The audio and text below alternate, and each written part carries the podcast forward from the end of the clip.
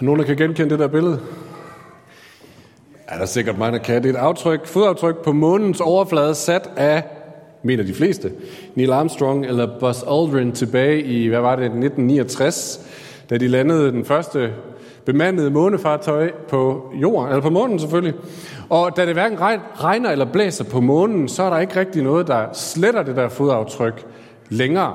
Øh, så det vil sige, lad os nu forestille os, at vi lige skillede sammen og tog en raket til månen og landede samme sted, så ville vi faktisk gå en tur, og så ville vi faktisk kunne se det der fodaftryk.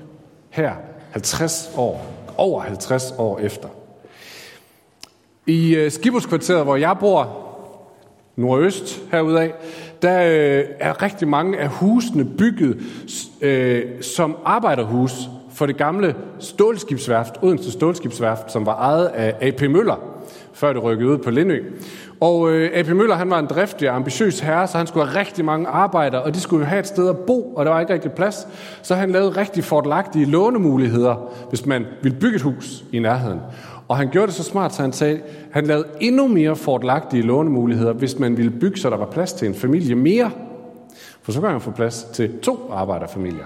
Og det betyder, når du går en tur i Skibuskvarteret i dag, så er langt de fleste huse to-families huse. Så det er lidt sjovt her. 100 år efter kan man gå i et kvarter, et villa-kvarter, og se aftryk af en mands sjove idé for 100 år siden. For cirka 25 år siden, så trak min dansk lærer, Linda, mig til side, fordi hun ville gerne rose min øh, danske stil. Og så, jeg kan huske det lige så tydeligt, så sagde hun, Christoffer, når du skriver, så skal det være sådan, at læseren kan mærke sandet løbe mellem hænderne på dig. Jeg kan huske det meget tydeligt, og det kommer stadigvæk op, for eksempel når jeg skal sidde og skrive en prædiken. Så hendes ord for 25 år siden sidder stadigvæk som et dybt aftryk i mig. Der er mange måder at sætte aftryk på. Vi sætter alle sammen aftryk. Der er mennesker, der har sat aftryk i os. Før vi lige går videre, så tænk lige et minut, hvem eller hvad har sat dybe aftryk i dig?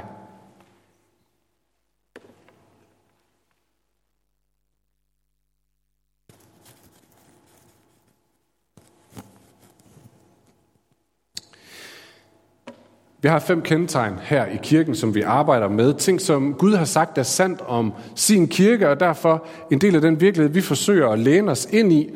Og vores sidste kendetegn, som vi skal bruge den her gudstjeneste, sidste gudstjeneste, inden advent begynder på, det er det sidste kendetegn, aftryk af Guds rige. Vi vil gerne være en, en kirke, der sætter aftryk af Guds rige. Vi vil gerne hver især være efterfølgere af Jesus, der sætter aftryk af Guds rige i de mennesker, vi møder, de steder, vi bor her på Fyn. Og det skal være sådan, at når nogen kommer om 100 år, så kan de se eller mærke, her gjorde Gud noget for 100 år siden. Hørt amen? når folk kommer om 100 år, så kan de gå omkring på Fyn, så kan de sige, hold da fast, der var Gud gjorde noget her, der satte aftryk. Men hvad betyder det at sætte aftryk af Guds rige? Hvordan gør vi det, og hvorfor er det gode nyheder? Det er de spørgsmål, jeg håber, vi kan komme lidt omkring i det, jeg skal sige nu her. Hvad betyder det at sætte aftryk af Guds rige? Hvordan gør vi det, og hvorfor er det gode nyheder?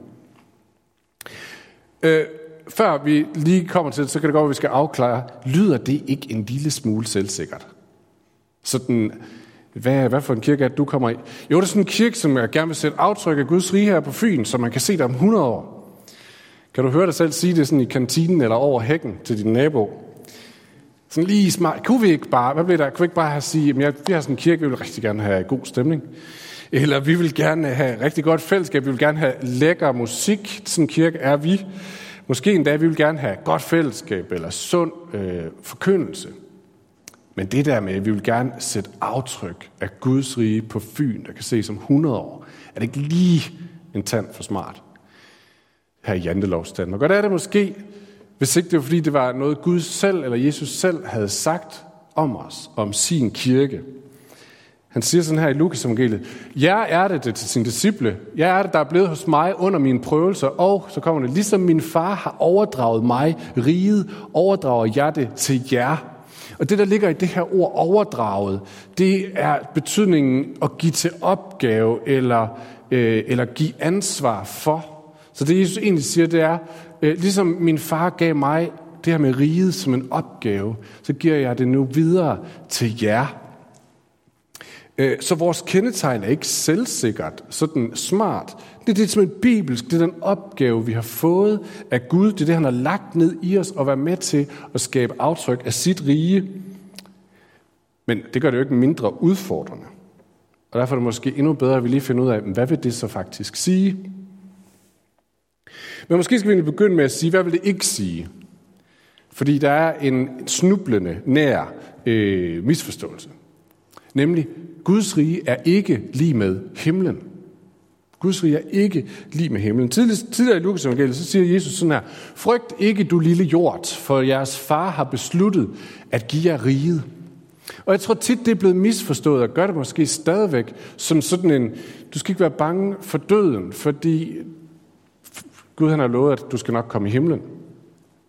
Faktisk, når Matthæus skriver sit evangelium, I ved et af de fire evangelium, så hver gang Lukas og Markus taler om Guds rige, så taler Matthæus om himmeriget.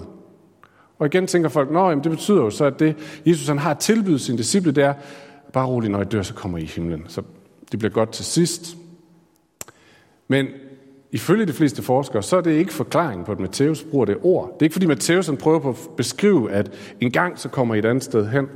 Nej, mere sandsynligt er det, at Matthæus han skrev primært til jøder, og for jøder, så var det blasfemisk at begynde at sige Gud, Guds navn. Så de omskrev altid. Så for at undgå at provokere dem, før de sådan ligesom hørte, hvad han havde at sige, så tænkte han, om fint, så kalder vi det bare himmeriget i stedet for. Så når Bibelen taler om Guds rige, så handler det om det, der kommer efter døden, ja, og det, der kommer før døden. Så vi vil ikke bare sætte aftryk af en gang, vi vil sætte aftryk af noget, som er nu. Guds rige er noget, vi træder ind i, i det øjeblik, vi følger Jesus. Det er Guds virkelighed, så at sige, midt i den virkelighed, vi kan se og høre og opleve. Måske kan vi gøre det endnu tydeligere, hvis vi lige bruger fem minutter på sådan lige at løbe igennem det gamle testament, igennem Bibelen, og lige få lavet sådan et fælles fundament. Hvad er det her med Guds rige? Så lad os gå til 2. Mosebog 15. 2. Mosebog 15. Øh, I kan sikkert mange af jer huske historien. Øh, Israels folk har været slaver i Ægypten, da de var i mange år. Så har Gud gennem Moses befriet dem, taget dem med ud af Ægypten, igennem det røde hav, lukket havet bagefter dem, øh, sørget for, at ingen soldater kan fange dem længere. Nu står de endelig fri, og så står der sådan her, da sang Moses og israelitterne denne sang for Herren. Og så følger der en rigtig lang sang, hvor øh, Gud, eller hvad hedder det, Moses opstiller Gud over for alle de forskellige konger, de har mødt, øh, og som Gud har sejret over, i særlig grad selvfølgelig Farag. Øh, nu løber jeg foran mig selv. Øh, alle de konger, som har lidt nederlag, når Gud han ligesom er trådt ind på scenen. Og så til sidst, så kommer sådan her i vers 18, så siger Moses, der, der sang Moses og Israelitterne, den sang for Herren, så kommer hele sangen, så siger Herren er konge i al evighed. Prøv lige at lægge mærke til, Israel har levet som slaver i 400 år under en konge, Farag. Nu er de kommet ud af landet. Nu har de fået en ny konge. Det er det, de siger. Vi har fået en ny konge. Det er Gud. Og prøv at lægge mærke til, de taler ikke om Gud som sådan en verdensfjern, øh, åndelig virkelighed, som der er et eller andet måske engang. Nej, de taler om Gud som sådan en helt fysisk realitet. Før havde vi Farag som konge, nu har vi Gud som konge. Det er den her verden, det er det her liv. Det er for i dag, det er for i morgen, det er for vores familieliv, det er for alt det, der er omkring os. Vi har Gud som konge. Ligesom Farag var konge, eller bare stærkere. Men hvor taler de fra? Når de taler ud fra ørkenen. På det tidspunkt, så var konger jo tit noget, der ligesom hørte til det her land. Så hvis, så, så hvis Farag var konge i Ægypten, og nu er de så kommet væk fra ham, nu er de i ørkenen, så må Gud jo være konge i ørkenen. Er det det, de tænker på? At nu er de kommet ud i en anden, et andet område, hvor den her Gud så er konge.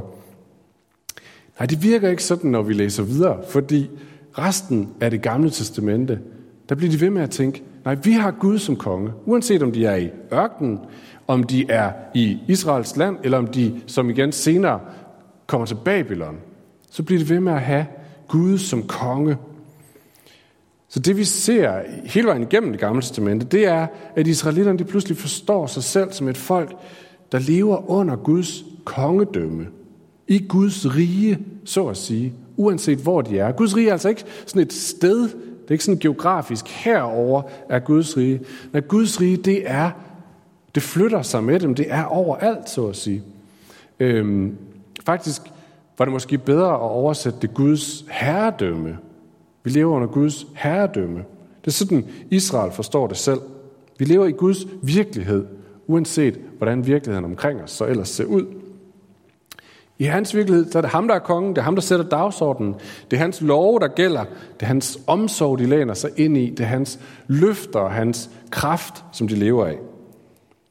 Vi kan blandt andet se det senere i salmerne. Salmernes bog, som ligesom er Israels folks lovsangshæfte og bønnebog i et. Jeg har lige nogle eksempler, bare for at gøre det helt skarpt. Salme 103, vers 19. Herren har grundfæstet sit trone i himlen. Han hersker som konge over alle. Salme 47. For Herren, den højeste, er frygtindgydende, en mægtig konge over hele jorden. Salme 5. Hør mit råb om hjælp, min konge og min Gud. Salme 9. For du skaffede mig ret i min sag. Du satte dig på tronen. Så Gud er konge alle steder, uanset hvor de er. Uanset om de sidder som slaver i Babylon, om de er midt i ørkenen, eller om de er i relativ sikkerhed i deres eget land. Gud bliver ved med at være konge. Og så er der den anden tone, som er ligesom, at de venter på, at han igen virkelig skal oprette sit rige. For det er klart, hvis, de, hvis Gud er konge, men det de oplever omkring sig, det er ørken, eller det er fangenskab, så er der et eller andet, hvor Gud han ikke har fået lov til at sætte sit herredømme igennem alle steder endnu. Så der er hele tiden sådan en afventen, sådan en Gud skal også blive konge.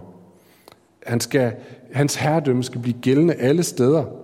Og det længes de efter. Det er den anden tråd, der er i det gamle testamente. Gud er konge alle steder, men vi længes efter at se, hvordan det ser ud, når hans herredømme sådan rigtig udfolder sig. Og hvorfor længes de efter det? Kan de ikke bare leve med de konger, de har? Kan de ikke bare nyde den virkelighed, de nu har fået givet? Nyde velfærdsstaten, nyde, nyde det, som nu er? Hvorfor længes de efter det her? Jo, det er måden, Guds herredømme bliver beskrevet på i Bibelen. Igen, vi kan kun nå nogle ganske få eksempler, men Esajas skriver sådan her, hvor herligt lyder budbringerens fodtrin hen over bjergene. Han forkynder fred, han bringer godt budskab, han forkynder frelse. Han siger til Sion, din Gud er konge. Eller senere i Esajas bog, i Guds, når Guds herredømme sætter sig igennem, så skal det være sådan her. Kom alle I, der tørster. Kom og få vand. Kom, I der ingen penge har. Køb korn og spis. Kom og køb korn uden penge, vin og mælk uden betaling. Eller som der står i Mikas bog, også rimelig kendt, Hvordan skal det være, når Guds herredømme sætter igennem? Jo, så skal de smide deres svær om til plovjern og deres spyd til vingårdsknive. Folk skal ikke løfte svær mod folk, og de skal ikke mere oplæres til krig. Men de skal sidde hver under sin vinstok og sin fintræ, uden at nogen jager dem bort. Eller til allersidst, som profeten Zacharias siger, der skal Herren være konge over hele jorden. Så midt i den virkelighed, de er i, så siger de, at vi længes efter noget andet. Vi længes efter, at alt krig, al uretfærdighed, al ondskab, alt det, der ødelægger livet, skal få en ende, for sådan skal det være, når Guds herredømme endelig sætter igennem. Og jeg kunne hive massevis af flere steder ind fra det gamle testamente, for det er fuldt af det her håb om, hvordan skal det blive, når Gud han endelig bliver konge, og hans herredømme er det, der virkelig gælder overalt. Så Guds rige er ikke bare sådan en åndelig ting, sådan en gode følelser herover. Nej, det er sådan et, en længsel og et råb om, Gud for huland, sæt dig igennem. Sæt dig igennem. Det er nok ikke gået nogens næse forbi. Vi har lige haft kommunevalg. Vi kan stadigvæk se plakaterne rundt omkring. Og det er sådan lidt, alle, alle politikerne er ude og sådan fortælle, hvis jeg, hvis mit herredømme får lov til at sætte sig igennem her i Odense, eller i Assens, eller hvor I nu bor, så bliver det sådan her. Så har jeg den og den vision. Og vi håber, de har ret. Det er jo derfor, vi stemmer på dem. Øh, hvis ikke vi står, tror på det, så stemmer vi slet ikke. Men vi ved jo også godt, at deres magt er begrænset. Måske, hvis de er heldige, får de gennemført lidt af det, inden der kommer en anden ind og laver om på det igen. Men løftet i det gamle testament, det er, at Guds magt er ikke begrænset. Der er ikke noget af det udefra kommende, som kan stoppe det. Der er heller ikke noget af det indefra kommende, der kan stoppe det. Når Gud han får lov til at sætte sit herredømme igennem, så stanser det kaos. Kaos uden for os. Kaos inden i mig. Inden i mig. Nogle gange så beder vi til morgenbøn på Zoom. Det har vi jo haft de sidste halvandet år. Hver eneste morgen mødes nogen fra kirken her på Zoom og, og beder en halv time. I er velkommen til at være med. Øh, så bliver der lige nævnt nogle ting, og tit så synes jeg, så beder vi for nogle, for nogle mennesker i nogle situationer. Enten med sygdom, eller med misbrug, eller et eller andet andet, hvor man ligesom er et sted, hvor man siger, jeg har, jeg har ikke mere at komme med. Og så er bønden ligesom bare, Gud, nu må du sætte dig igennem, for du har noget at komme med. Nu må du sætte dig på tronen. Nu må du vise, hvem du er. Fordi vi tror på, at der er ikke noget udefra kommende, som er stærkere. I kender måske også den her situation. Man bliver grebet af det, måske sidder man hjemme i sofaen eller på cyklen eller et eller andet, og så kommer man bare i kontakt med en eller anden situation. Hold kæft, hvorfor sagde jeg det der til ham igen? Eller hvorfor opførte jeg mig på den der måde igen? Eller hvorfor gjorde jeg det der igen? Eller hvorfor gjorde jeg ikke det der, som jeg bare har planlagt så længe, at det ville jeg gøre anderledes? Og hvis man er, jo ældre man er, jo mere kender man måske til det her.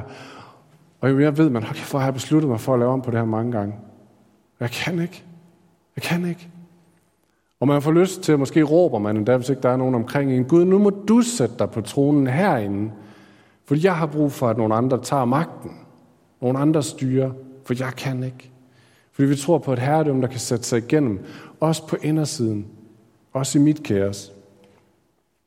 Vi har brug for en konge, der ikke er begrænset. Og det er det, der er løftet om Guds rige i det gamle testamente. Jeg ved ikke, om det tog mere end fem minutter. Måske gjorde det. Jeg håber det ikke. Ikke for meget. Men jeg håber, det gav sådan et rimeligt fælles udgangspunkt for det næste, som vi lige skal høre. At vi hører det på den rigtige måde. Fordi da Jesus han træder frem, så fortæller Markus i Markus evangeliet, at hans første prædiken lyder sådan her, og han er skarp, han er god til at prædike kortere tid end mig. Han siger sådan her, har jeg ikke slide på det? Guds rige er kommet nær, omvendt jeg tro på evangeliet.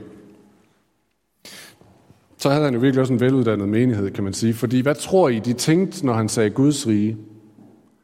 Jo, de tænkte forhåbentlig cirka alt det, jeg har brugt de sidste plus fem minutter på at sige. De tænkte, når Guds herredømme, det sætter sig igennem nu. Alt det der, som jeg er gået og længtes efter, at, at, at, at, at der skulle komme ind og sætte sig på tonen og rydde alt det her lort af vejen. Nu sker det. Nu sker det. Omvend jer, siger Jesus. Og det betyder noget i retning af, at I plejer at tænke, at I var undersåtter under kong Herodes, så jeres liv så, så sådan her sådan her ud, og der var de her de muligheder. Nu skal I omvende, nu skal I tænke anderledes. Nu skal I tænke, nu Gud sat sig på tronen. En ny virkelighed er en mulighed. Du kan leve i Guds virkelighed nu. Den er kun begrænset af det, der begrænser ham. Den er ikke begrænset af alt det, du ser for dig. Så omvend jer. Og så Markus er interesseret, så han følger efter Jesus. Og så beskriver han, øh, bare i løbet af det første kapitel, hvordan det ser ud, når Guds herredømme sætter sig igennem. Så Jesus, han, I kan gå hjem og læse Markus hele kapitel 1, han gør op med åndemagter og sygdom og udstødelse og indre dæmoner og alt muligt andet, bare i løbet af det første kapitel. Ligesom om Markus han prøver på at sige, så sagde Jesus, han ville være konge, og så viste Jesus, hvad det vil sige, når han blev konge.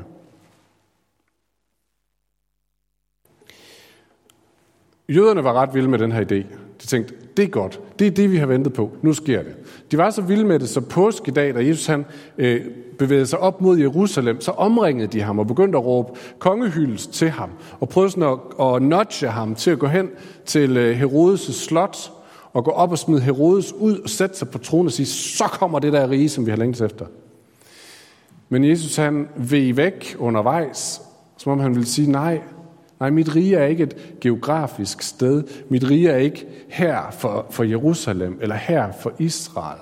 Mit rige er noget mere, det skal noget mere, det kan noget mere. Mit rige er noget, sætter, mit herredømme sætter sig igennem et andet sted. Og hvor er det? Jo, det er det citat, som vi begyndte med. Det kommer faktisk cirka derefter.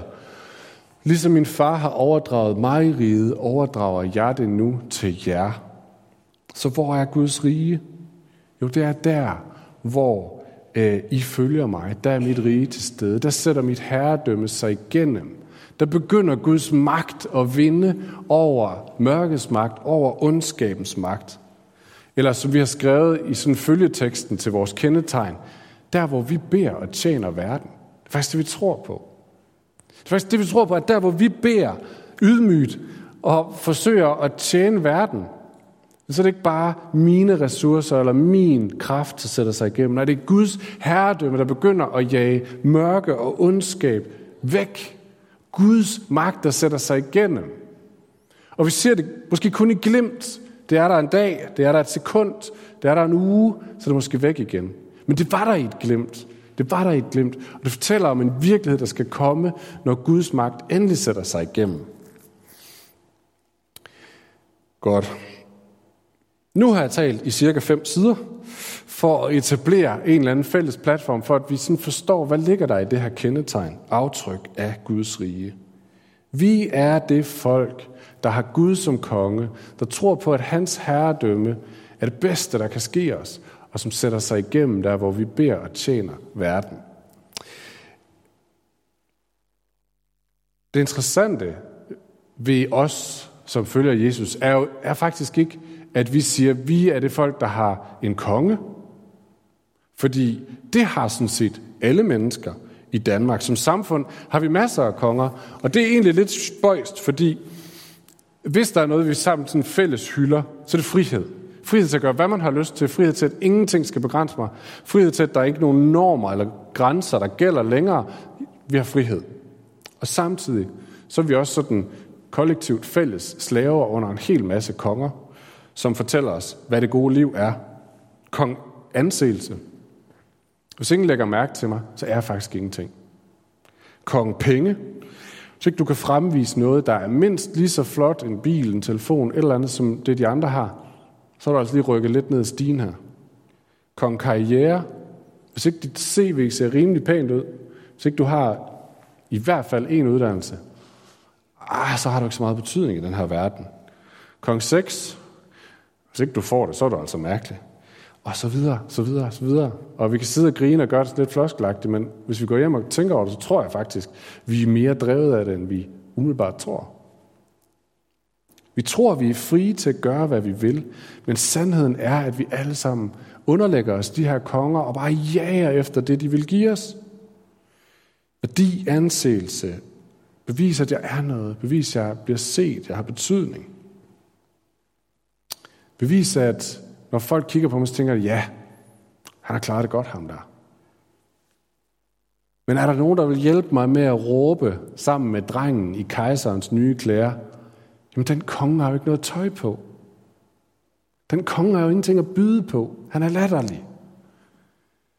Lad os lige lave et, et tankeeksperiment for lige at afklæde de her konger. Lad os bare sige, at jeg fulgte kong Penge det gør jeg nok desværre mere, end jeg vil være ved det. Men lad os sige, at vi gør det 100%, følger kong penge, og jeg, jeg har lagt mig i selen.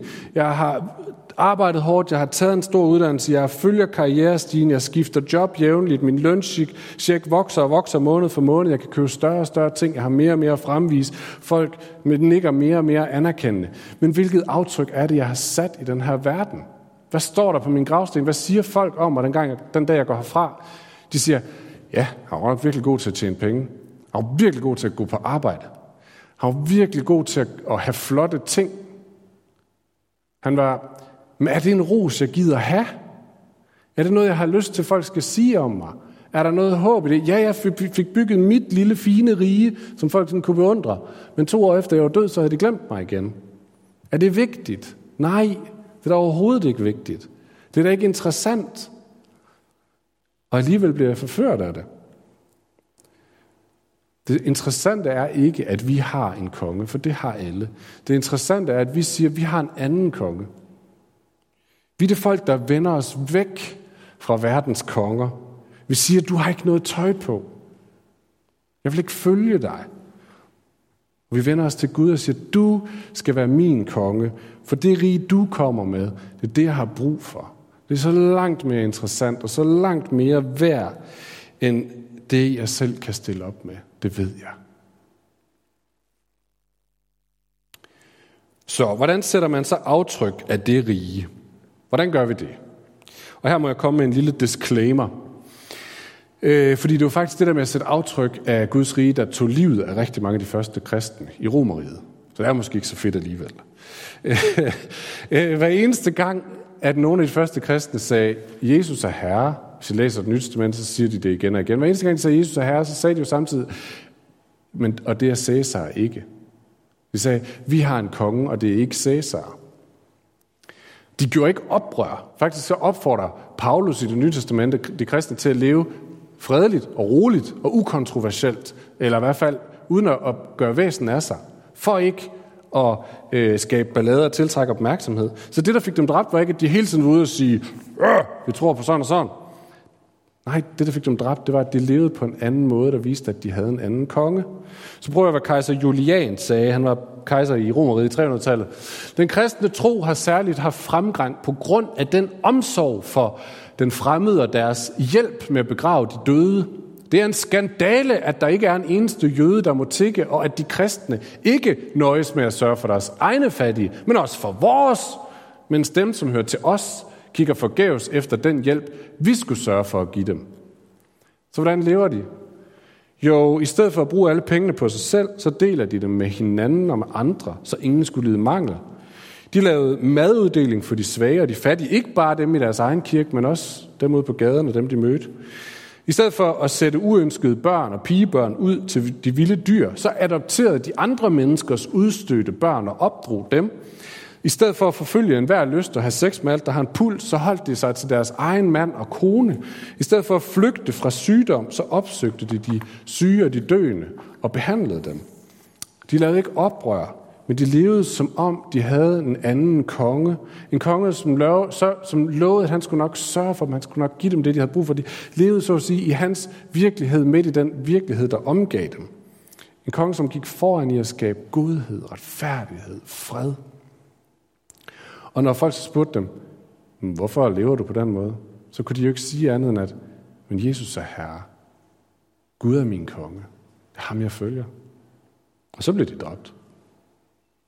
Men selvom det fik dem dræbt, så mener forskere, blandt andet sådan en, som der hedder Rodney Stark, øh, har skrevet en masse om det her, at det var lige præcis det her, der gjorde, at kristendommen voksede eksplosivt. Fordi folk kiggede på det, så tænkte de, det er godt nok mærkeligt, men hvor er det smukt. Hvor er det der et rige, jeg har lyst til at se mere af? Hvor er det det der, hvis det kan få lov til at præge mig, eller få lov til at præge min familie? Det er det, jeg vil have. Det er den konge, jeg vil have. Og derfor voksede kristendommen meget hurtigt. Okay, så hvordan ser det så ud i dag? Hvordan gør vi det så i dag? Det spørgsmål vil jeg ikke svare på. For det kan jeg sådan set godt tænke mig, at du svarer på. At I svarer på. At vi svarer på hver især som fællesskab. Så gå hjem i sofaen, eller sæt dig med din livsgruppe, eller din mikromarker, eller din ægtefælle, eller et eller andet andet, og så stil spørgsmålet, hvordan ville mit studieliv se ud, hvis midt i studiet var Gud min konge? Eller mit arbejdsplads, mit arbejdsliv? Hvis midt i det her, der er Gud min konge? Hvordan ville det se ud i en materialistisk verden og handle gavmildt, ligesom min konge gør? Hvordan ville det se ud i en individualiseret verden og fremhæve de andre, ligesom min konge gør? Hvordan vil det se ud i en verden, hvor alle er på evig jagt efter at lykkes og begynder at leve i taknemmelighed og glæde for det, jeg har, ligesom min konge gør? Hvordan vil det, hvordan vil det sætte aftryk der, hvor vi er? Jeg har lige været på spejderlejr. Jeg kom hjem i morges, hvis jeg har lidt små øjne, så er det derfor. Øh, og jeg tænkte lidt over, da jeg kom hjem, hvorfor er det egentlig, jeg gider at bruge øh, en aften om ugen plus weekender hele tiden på spejderlejr? Og det slog ned i mig. Det er fordi, jeg har lyst til at sætte aftryk i de her unger, der kommer ind. En stor flok blandede unger fra alle mulige mærkelige sammenhænge. Jeg har lyst til at sætte et aftryk, som fortæller noget om, Prøv at høre, venner. Livet er mere end konkurrence. Livet er mere end det ene og det andet. Kom, vi skal lave noget godt sammen. Og så er det ikke, jeg kan ikke få lov til at forkynde for de her børn, men jeg kan få lov til at bede for dem, og jeg kan lov, få lov til at håbe, at, at det, at jeg er der, så får, lov, får Gud lov til at sætte et aftryk i dem, som fortæller om en bedre måde at være menneske på, om en bedre verden. Det er værd at bruge to timer om ugen plus en weekend på. Nogle af jer, øh, nogle af mine bekendte, har i en årrække inviteret øh, naboer, både kristne og ikke-kristne, hjem til et ugenligt måltid mad, bare for på den der måde at sætte et aftryk og fortælle dem, der er andet end ensomhed. Der er andet end isolation. Nogle af jer er gode til at invitere mennesker ind til fællesskab, endda måske med til Guds tjeneste, i et håb om, at de skal få et glimt af Guds rige. Nogle af jer, ved jeg, beder for jeres kolleger eller jeres medarbejdere på vej på arbejde hver dag, og siger, Gud, må dit rige sætte sig igennem i dag på vores arbejdsplads. Nogle af jer er ledere i børnekirken eller børneklubben eller andre steder, og igen med den her bøn om, Gud, må vi få lov til at sætte et aftryk i de her børn. Så det er ikke bare verdens konger, der sætter aftryk, men du sætter aftryk. Og nogle af jer, prøv at høre, nogle af jer sætter aftryk ved, at Guds rige på den måde, I håndterer, når livet er hårdt, når sygdom rammer, når jobbet ryger. Fordi det er også den virkelighed, vi har fået givet en gang imellem. Men det ser anderledes ud måske, hvis jeg har Gud som konge. Hvordan er man midt i det? Det er også en måde at sætte aftryk af Guds rige på.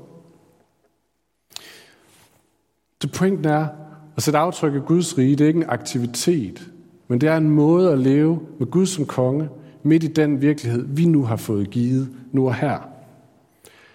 Det handler ikke om vores karisma, vores stærke personlighed, vores store overskud, vores imponerende talegaver eller måder at klare livet på. Det er hans rige, og vi øver os bare i at leve ind i det. Okay, sidste pointe. Hvorfor er det godt nyt? Hvorfor er det godt nyt? Hvorfor den her konge? Jeg tror allerede, jeg har sagt det. Fordi det er den eneste konge, der kan nå den her verden. Den eneste konge, der kan nå mig, når jeg knapt kan nå mig selv. Prøv lige lynhurtigt at tænke på alle de andre konger igen. Dem, der, der ikke havde noget tøj på.